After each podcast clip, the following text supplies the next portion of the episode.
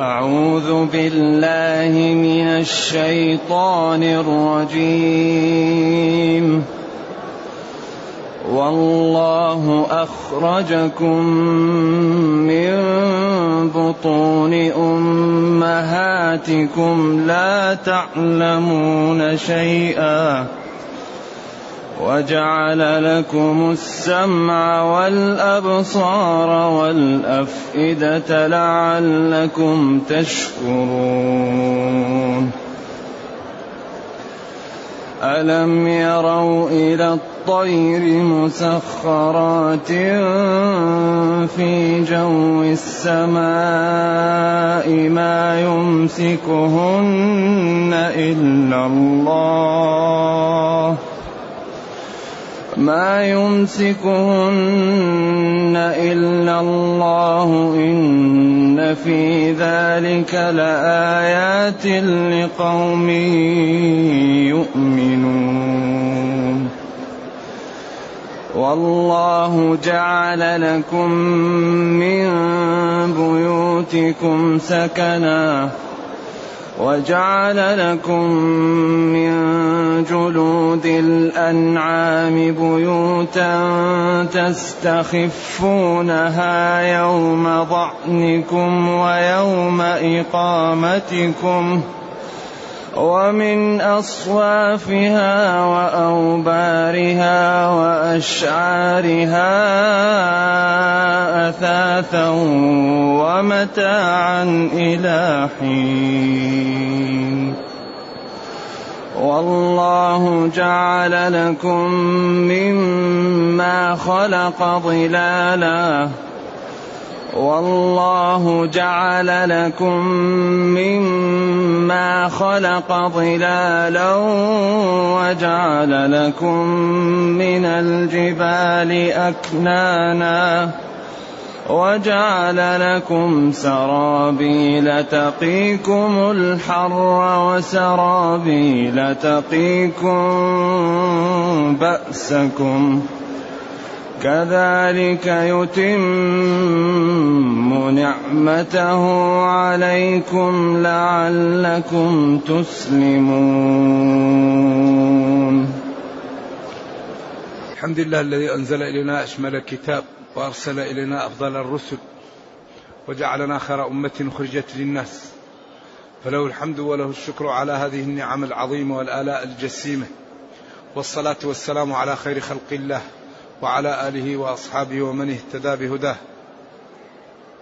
أما بعد فإن الله تعالى يبين نعمه على خلقه لتكون مدعاة للشكر وللإخلاص وللجد في والاجتهاد في العبادة. فيقول جل وعلا والله أخرجكم من بطون أمهاتكم. لا تعلمون شيئا. إذا الله تعالى هو الذي هيأ لكم التكوين في البطن وهو الذي يسر لكم السبيل مع ضيقه ثم السبيل يسره. لكن هذا مبين في محل ثاني لأن المقصود هنا أو الجانب اللي عليه التنبيه فيه هو أنه جل وعلا امتن علينا بموارد العلم أعطانا موارد العلم لتكن هذه دليل على وحدانية الله وعلى قدرته فنشكره على هذه النعم ونطيعه فنسعد في دنيانا وأخرانا. والله جل وعلا لا غيره أخرجكم من بطون امهاتكم البطن من من من, من الضلوع إلى العانة تحت. هذا كله يقال له البطن. داخل الكبد والطحال والأمعاء والكرش والرحم للمرأة. كل هذا يقال له بطن. تجويف. لكن المقصود للمرأة يعني أخرجه من بطنها من مكان الرحم.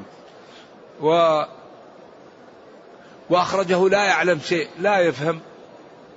ولا يقدر أن ينفع نفسه ولا أن يدفع شيء. ولكن أعطاه موارد العلم تتقوى وتنمى معه وتنمى معه حتى إيش قال؟ أنشأناه خلقا آخر.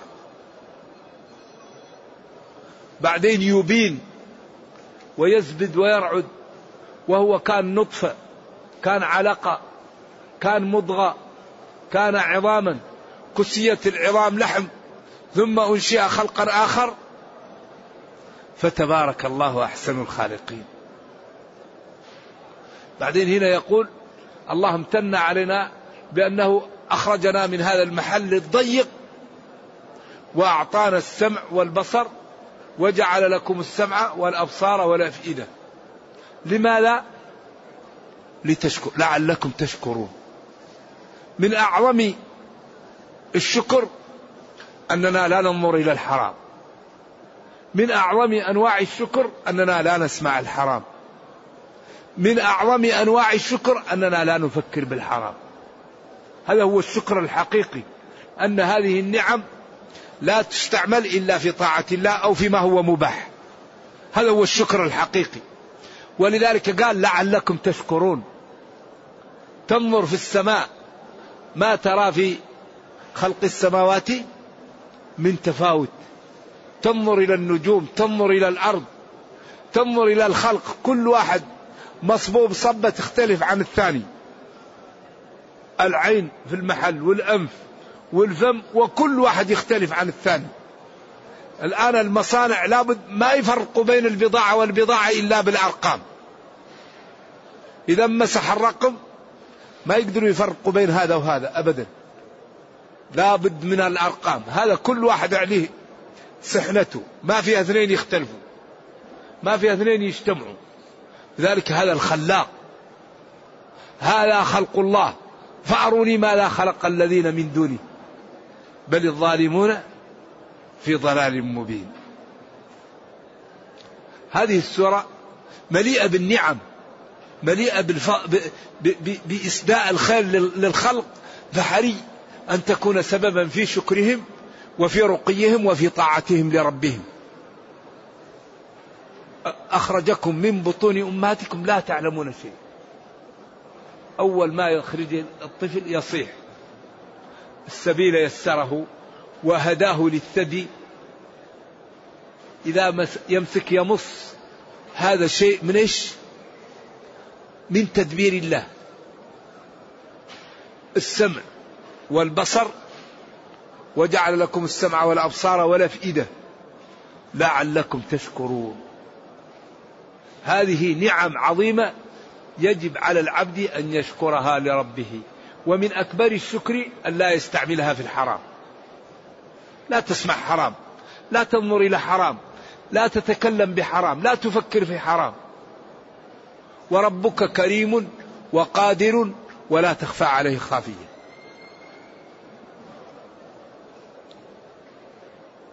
ثم قال أولم يروا إلى الطير؟ ألم يروا إلى الطير مسخرات في جو السماء؟ ما يمسكهن إلا الله. علاقة وجعل لكم السمع والأبصار والأفئدة لتشكروا الله بقوله ألم يروا إلى الطير مسخرات في جو السماء؟ علاقة سبحان الله. يعني المفسرون القدماء يقول هذا بيان لقدرة الله تعالى ترى الطير في الجو ما الذي يمسكه؟ أرجل صافة ما يحرك أرجله عشان يرفعه الهواء لكن يمد أرجله وتشوفه لا يتحرك. ما الذي يمسكه عن أن يسقط؟ قدرة الله. ولكن الألوسي كأنه أشار في تفسيره في روح المعاني إشارة خفيفة إلى أنه ربما يكون هذا ليتنبه الناس ليستفيدوا من الطير ويحاولوا أن يعملوا مراكب مثل الطير يستفيدون منها. ولذلك قال لعلكم تشكرون وذكر موارد العلم وأشار إلى الطير صافة في جو السماء. وإن كان هذا الحقيقة فيه بعد لكن القرآن حمال ذو وجوه. لكن أغلب المفسرين يقولون إن هذا دلالة على قدرة الله تعالى وعلى أن الطير يمسكه الله في جو السماء ويمنعه من السقوط لقدرته تعالى. كما أنه أيضا أعطاكم السمع والبصر والفؤاد. وهذه نعم وقدرة, وقدرة لله تعالى. ينبغي أن تقدر فيشكر الله ولا يعصى. أما أن العبد يعني أعطي موارد العلم وأمير بالشكر ونبه على الطير ليش ليستفيد منه. لذلك تجد أن أن الطائرة شبيهة بالطير. أجنحة وجؤجؤ وزعنف ونفس طريقة الطير سبحان الله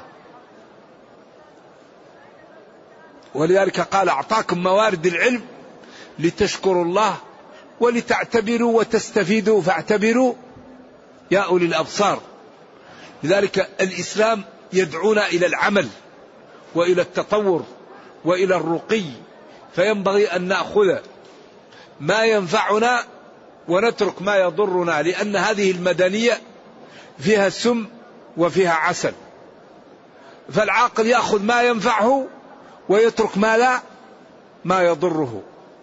فالتطور والصناعة والأدوية والآلات هذه طيبة أما العهر والعري والفجور والخمر والسفور هذا لا فائدة فيه ويضر. إذا هذه المدنية ينبغي أن نأخذ منها ما ينفعنا في ديننا ودنيانا ونترك منها ما يضرنا ويخالف شرع ربنا. ونستفيد منها ونترك ما لا ما لا ينبغي. ولذلك نبينا صلى الله عليه وسلم استعان في الهجرة بعبد الله بن الأريقط الديلي وهو رجل كافر. أعطاه ناضحيه وجلس ثلاثا ثم ذهب إلى الغار وجاءهم بعد ثلاث وراح بهم وأخذ بهم طريق بين الساحل وبين طريق الجبال وسط كان خريتا. ونبينا صلى الله عليه وسلم ما قال له سلمان كنا إذا خفنا خندقنا حفر الخندق. وكان يريد أن يمنع الغيلة حتى قال له الروم وفارس نحن نفعله ولا يضر ابناءنا فكف. لأن العرب كانت تقول أن المرضع إذا أتاها زوجها وهي مرضع أن ذلك يسبب ضعف للولد. وهو إتيان المرضع فيكون الحليب كأنه يضعف الولد. فقالت الروم وفارس نحن نفعل هذا ولا يضر. ولذلك يقولون فوارس لم يغالوا في في رضاع فتنبو وفي أكفهم السيوف. فقالوا هذا لا يضرنا. فكف عن عن المنع منه وأحله صلوات الله وسلامه عليه. إذا الله جل وعلا أعطانا موارد العلم لنشكره. ما هو لننظر للحرام؟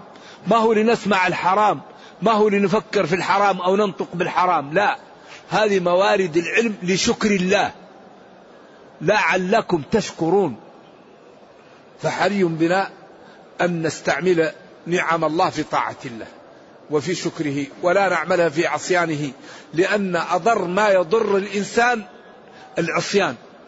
هذا المعاصي شؤمها يكون في العمر وفي المال وفي الولد وفي السمعة. المعصية شؤمها يكون في العمر. الإنسان لا يبارك له في عمره يعيش مئة سنة ما يجد حسنات. وأولاد لا فائدة فيهم مال لا فائدة فيه. كله بالمعاصي. ولا يوجد شيء أبرك من الطاعة. والذي يريد أن يسخر منك لاستقامتك قل له أمنعني من الموت. الذي إذا أراك مستقيما يسخر ويقول مسكين هذا إيش؟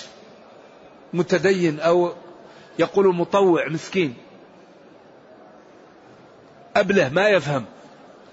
الذي يريد أن يسخر مني لأني أطعت ربي يمنعني من الموت. ما دام الإنسان لازم يموت يستقيم. لأن القبر ما له علاج إلا الاستقامة. آه، الإنسان إذا وضع في القبر يعرف قيمة الاستقامة عند ذي. أما الذي يموت ولم يستقم يندم. في وقت لا ينفع الندم. أهل القبور الآن أهل البقيع كل واحد يتمنى يرجع ليقول لا إله إلا الله. كل واحد منهم الآن يتمنى يرجع ليصلي ركعتين. كل واحد يتمنى يرجع ليقول رب اغفر لي خطيئتي يوم الدين. لماذا؟ لأنهم كفت أيديهم عن العمل وكل واحد فتحت له نافذة إلى عمله.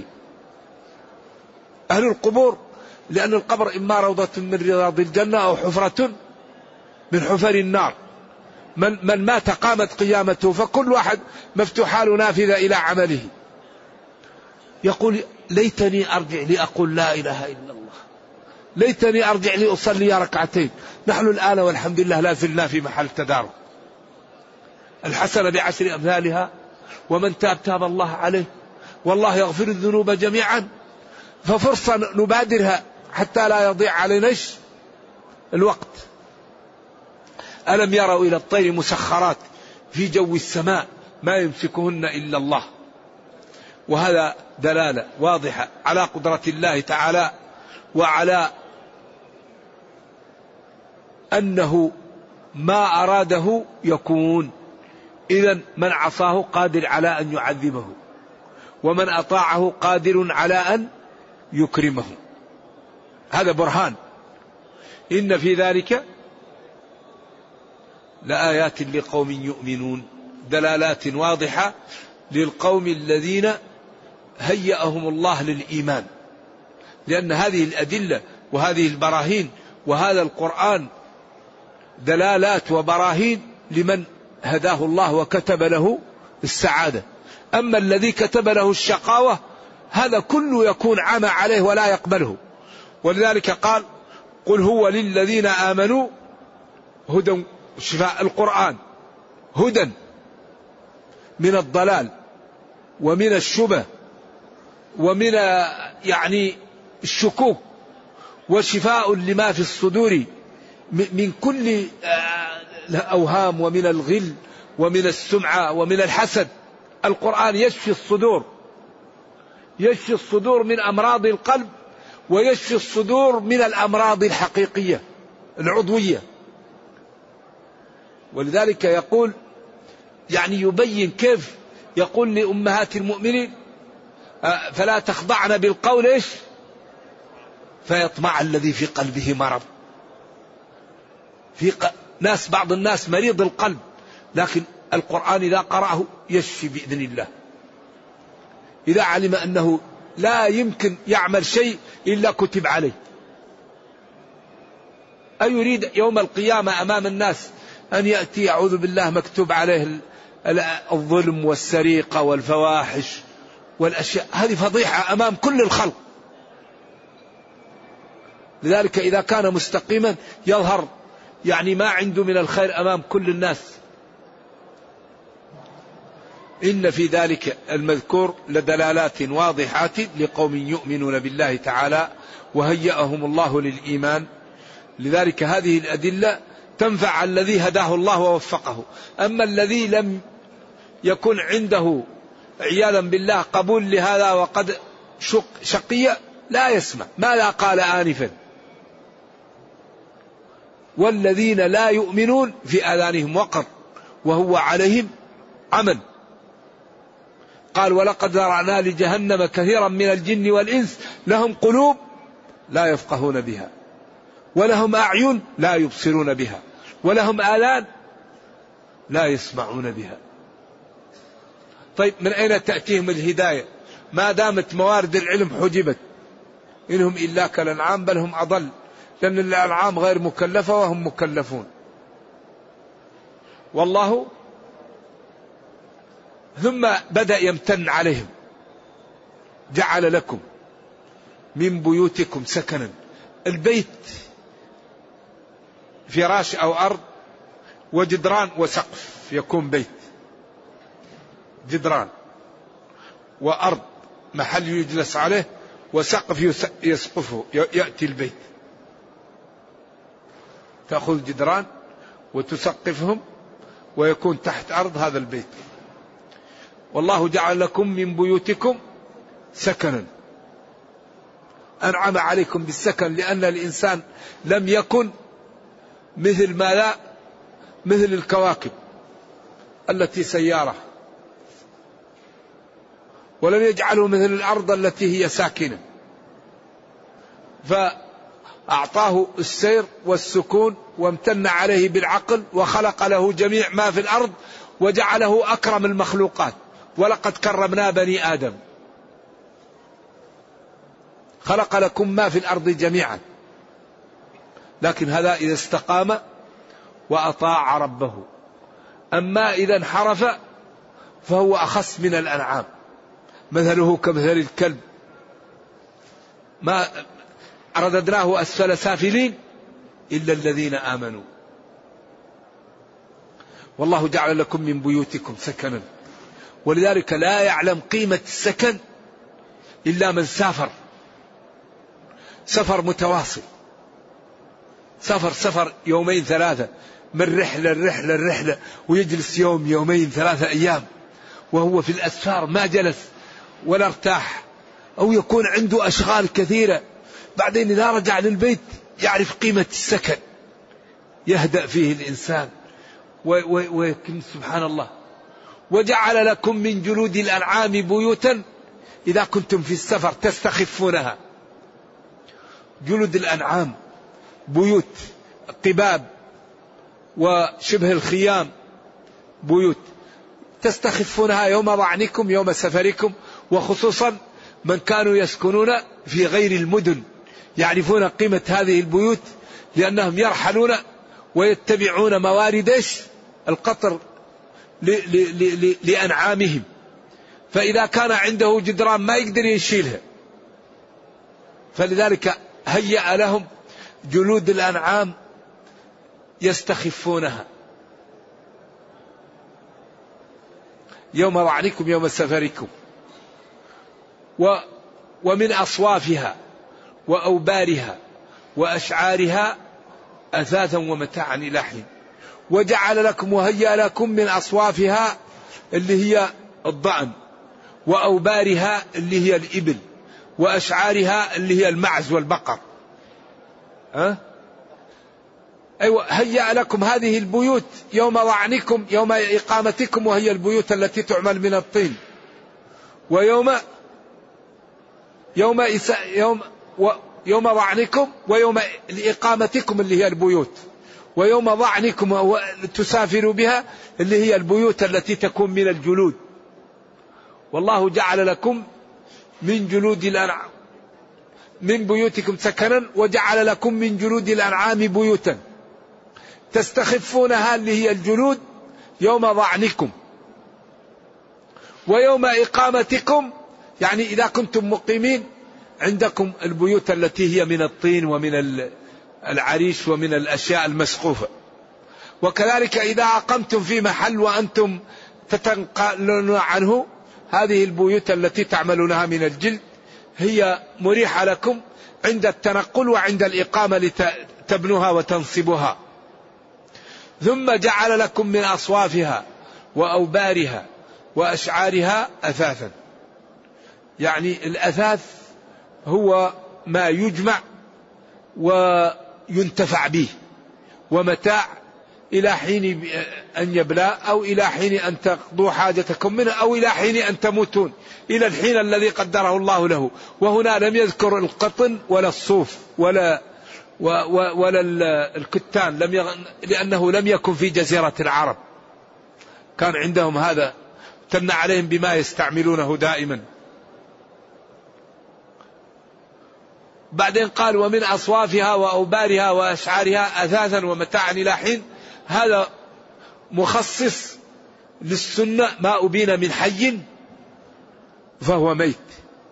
ما أبين من حي فهو ميت. هذا الحديث. كل شيء قطع من الحي فهو ميت. لكن استثني الشعر والأصواف والأوبار. ذلك هذا هذا حديث مخصص بالقرآن. لأن ما أبين من حي فهو ميت يجعل الشعر هذا الذي أبين من إيش؟ من ال من ال من ال من الأنعام يكون ميت لكن هو أبيح. وبعض العلماء يقول يوصل كالشافعي وبعضهم يقول هو ما يحتاج يغسل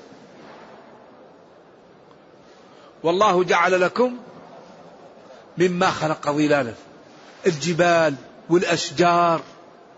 هذه الظلال تكن لكم من إيش؟ من الشمس. وجعل لكم من الجبال أكنانا. الله جعل في الجبال إذا كانت قريبة فيها بيوت وفيها كهوف. الإنسان يحط فيها مستودعات ويجلس فيها أوقات الحر الشديد والبرد الشديد. هذا امتنان من الله. وجعل لكم سرابيل. ثياب.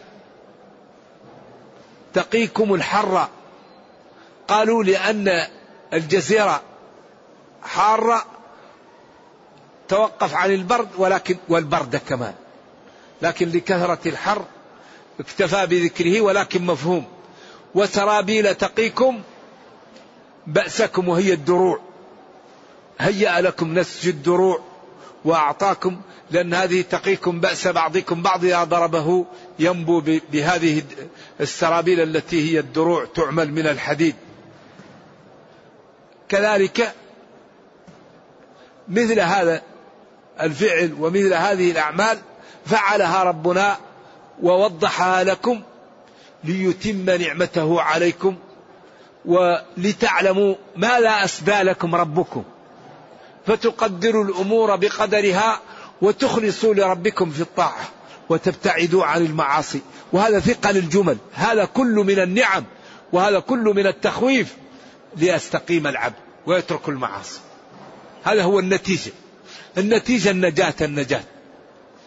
هذه النعم وهذه القدرة وهذه الأمور التي أسدى إلينا النتيجة أننا نطيع ربنا ونستقيم ونترك المعاصي لننجو. طيب. كذلك يتم نعمته عليكم يكمل نعمته عليكم.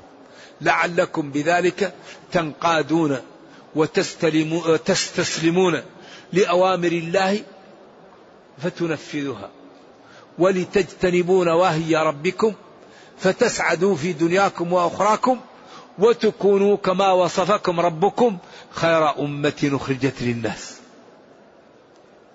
اذا هذه النعم وهذه القدرة صاحبها قادر على أن يكرم المتقين وصاحبها قادر على أن يعاقب المجرمين وهو لا يخلف الميعاد فبادروا إلى الخيرات واعملوا صالحا وابتعدوا عن المعاصي حتى تجمعوا بين صلاح الدنيا وصلاح الاخرى. وهذه السورة يسميها العلماء سورة إيش؟ النعم. نرجو الله جل وعلا أن يرينا الحق حقا ويرزقنا اتباعه وأن يرينا الباطل باطلا ويرزقنا اجتنابه وأن لا يجعل الأمر ملتبسا علينا فنضل سبحان ربك رب العزة عما يصفون وسلام على المرسلين والحمد لله رب العالمين والسلام عليكم ورحمة الله وبركاته. في أسئلة؟ هذا سائل يسأل يقول ما أفضل كتاب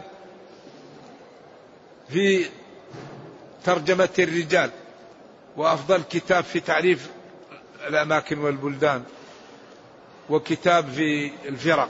أفضل كتاب الله أعلم. لكن من الكتب الجيدة في الرجال موسعة تهذيب الكمال. ومن الكتب المختصرة في الرجال كتب الستة تقريب التهذيب. ومن الكتب في الصحابة آه، الإصابة لابن حجر والاستيعاب لابن عبد البر وأسد الغابة. ومن الكتب التي هي في الأماكن اللي هي الكتب المعروفة اللي هي إيش حق البلدان هذا حق من؟ ها؟ ياقوت وكذلك البلاذري وكتب كثيرة في هذا والسمهودي وفي كل بلد فيه فيه كتب معينة علماء بغداد فيه تاريخ إيش؟ أيوه الخطيب البغدادي علماء الشام تاريخ ابن عساكر وكتب الذهبي مؤرخ الإسلام غطى هذا في كتبه.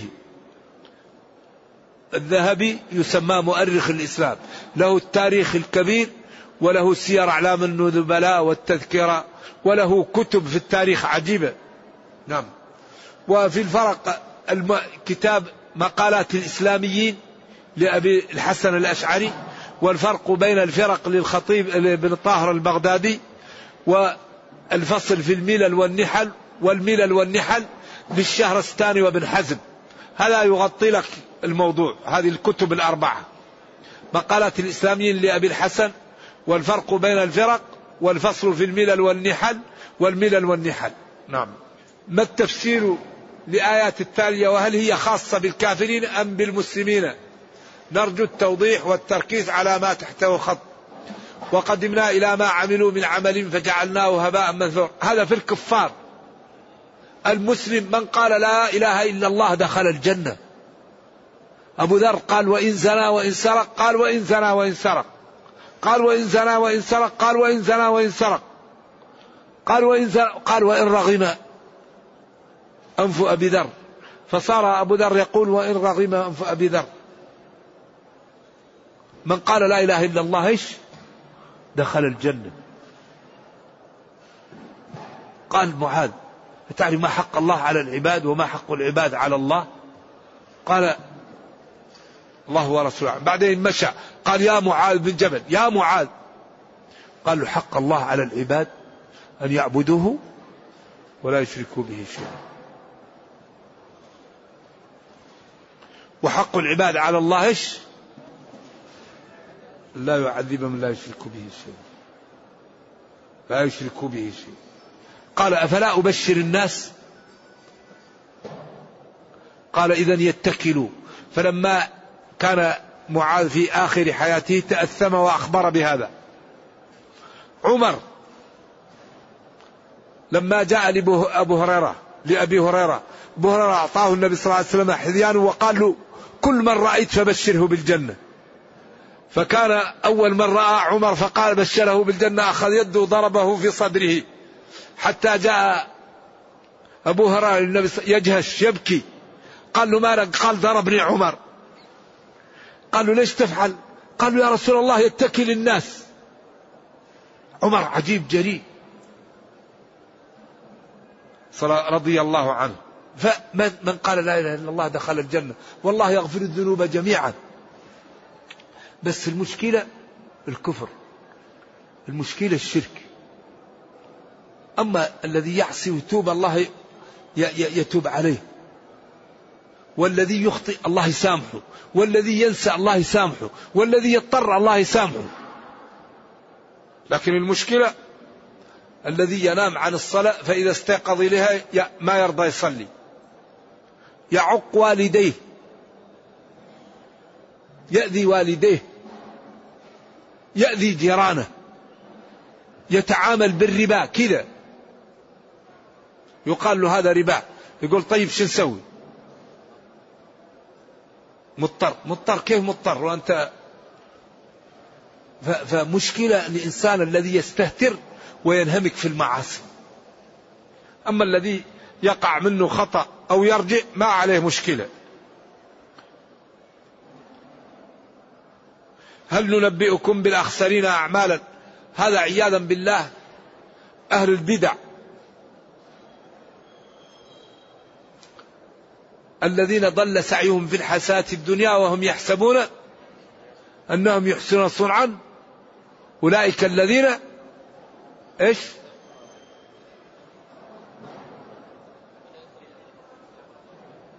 هذا الواحد يكون على بدعة يعني مكفرة. يكون على كفر على ضلال مبين وهو يرى أن هذا حسن الذين ضل سعيهم في الحياة الدنيا يطوف بالقبور ويدعو القبور. وإذا قلت له يا أخي أدعو ربك. يقول أنت محروم تعادي أولياء الله. تقول الله وقال ربكم إيش؟ ادعوني أستجب لكم. أمن يجيب المضطر إذا دعاه إذا سالت فاسأل الله. ما قال في القرآن إذا سألت فاتخذ لي الوسائل.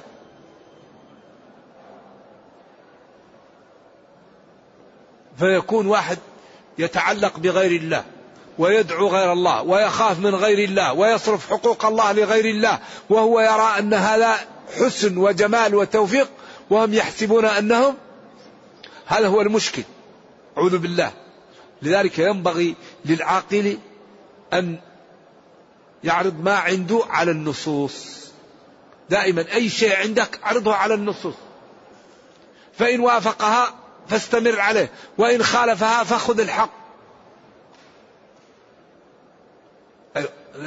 الذي هو معصوم النصوص. أرى الناس ليست معصومة. لذلك ناس يذهبوا للقبور ويقولوا لهم أعطونا. أنا أريد مال أنا أريد وظيفة. أتيناكم قال هذا مشكل. إذا سألت فاسأل من؟ الله. الدعاء هو العبادة ولا يشرك في عبادته أحدا. فالذي يدعوها إلى الله كأنه سجد له فلا يدعى إلا الله. ولذلك كثير من المسلمين عندهم انحراف. وهؤلاء الناس لا بد أن يجتهد معهم ويرفق بهم حتى تعطى لهم المعلومة بطريق تقبل. لأن, لأن الذي يريد أن ينفع إخوانه أول شيء يرفق بهم. ثاني شيء يحسن إليهم. ثالث شيء يروا فيه الصدق والأمان والنزاهة ومحبة الخير. لأن أهم ما يقوم به الداعية والذي يباشر دعوة الناس أن يوثقهم في نفسه. إذا كان الناس لا يثق فيك لا يقبل منك. يعرف فيك الصدق الأمن محبة الخير لهم التواضع عدم التعالي عليهم عدم تغيصهم عدم سبهم. فلذا يعني آه، المنحرف مريض والمريض إذا أردنا أن نعطيه الدواء نجعله له في العسل. ولذلك قال تعالى وضرب الله مثلا كلمة طيبة إيش؟ كشجرة طيبة. وقال لفرعون قولا له قولا. لينا. وقال ولو كنت فظا غليظ القلب لانفضوا من حولك. عزيز عليه ما عنتم حريص عليكم. ما جاءه شخص إلا أحبه لما يأتي للناس من الإكرام ومن الرفق. جاءه واحد وقال له ما هذه الحميرة؟ زوجني هذه الحميرة. قال له هذه عائشة بنت أبي بكر. قال الأحمق المطاع في قومه. ما قال له يا خبيث تقول هذا لزوجي وكي.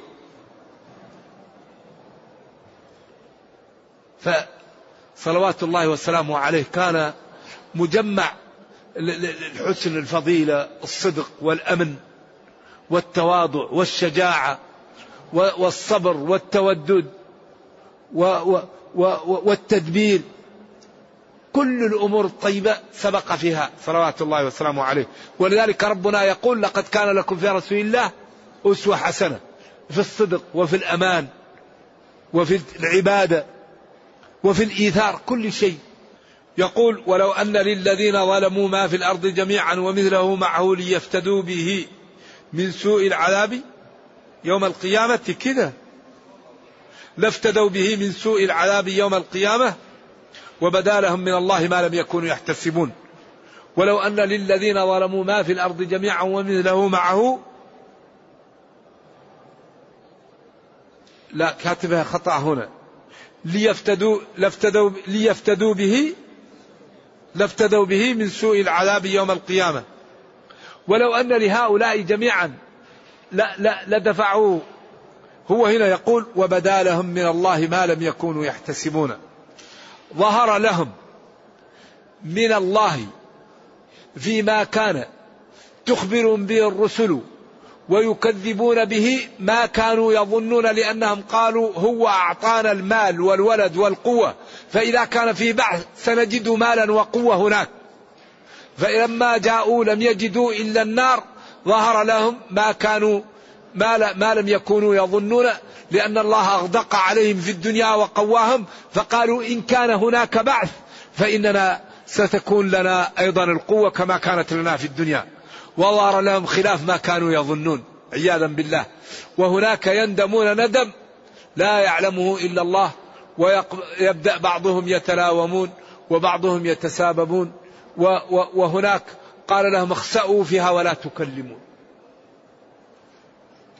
إنه كان فريق من عبادي يقولون ربنا آمنا فاغفر لنا وارحمنا وأنت خير الراحمين فاتخذتموهم سخريا من أكبر أسباب العطب السخرية من أهل الدين السخرية من من من, من العبادات. هذا خطير. الذي يريد أن ينحرف يترك الدين عنه. أما ينحرف ويسخر من الدين هذا قد يكون سببا في الشقاوة. وفي الموت على الكفر عياذا بالله. فلذلك الإنسان يسأل الله التثبيت والعافية. نرجو الله لنا ولكم العافية وأن يميتنا على لا إله إلا الله.